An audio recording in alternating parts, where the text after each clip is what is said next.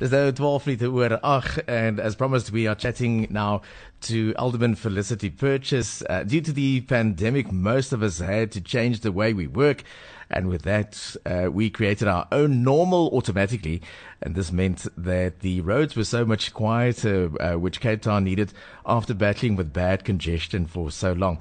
Uh, so good morning to uh, Mayco committee member of for transport for the city of Cape Town Alderman Felicity Purchase. Uh, are you well? I'm very well, thank you. Good morning to you and your listeners. Good morning and welcome to the uh, to the show. Um, so we're going to find out, you know, something about uh, maybe a better way forward. So my question is, uh, the city's transport directorate has decided to investigate entrenching this new normal as a more fixed way, so that our roads are not as busy. So what's the latest regarding this? So, one of the things that we've learned from uh, episode is that we can work from home if we have the right kind of tools, like IT. And therefore, we would encourage people and we're encouraging it amongst our own staff that where they can, they work from home. So it's not always possible. For example, in our department, we have 406 people working from home and 408 actively on the coal face. So while some all will come to work, it doesn't mean that they have to be at work 9 to 5, so to speak.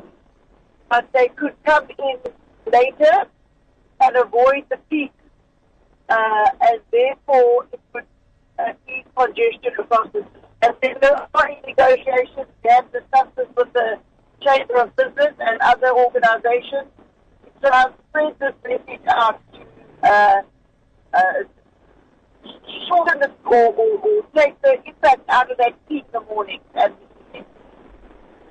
Absolutely, I think it'll it'll make uh, you know the roads much less congested if many many people can simply work from home where it is possible, as you just said. Uh, but besides the uh, the obvious benefit, uh, which is less people on the already busy roads, what are the other advantages um, we as commuters can look forward to? Got this completely new sense of health and hygiene and um, safety, uh, uh, self-preservation in terms of, of public transport. Uh, there's the, the, sanitation of all uh, as they enter the public transport, um, either the bus stops or the, the uh, public transport interchanges, the taxi ranks. There's also the um, the, the, the wearing masks, of course, I think for public transport, where people are in close confined, is essential. Uh, but there's also the, the, the, sort of social distancing, which is something that's new to a lot of commuters. Um, take that one and a half meters um, distance between yourself and the person um, in front of you or behind you, so that you actually start to understand um, the importance of uh, avoiding this close proximity with no uh, protection. And um, I believe this will go a long way uh, helping people on the public transport stay safe. Absolutely. It's, it's, it's very effective with the, the buses.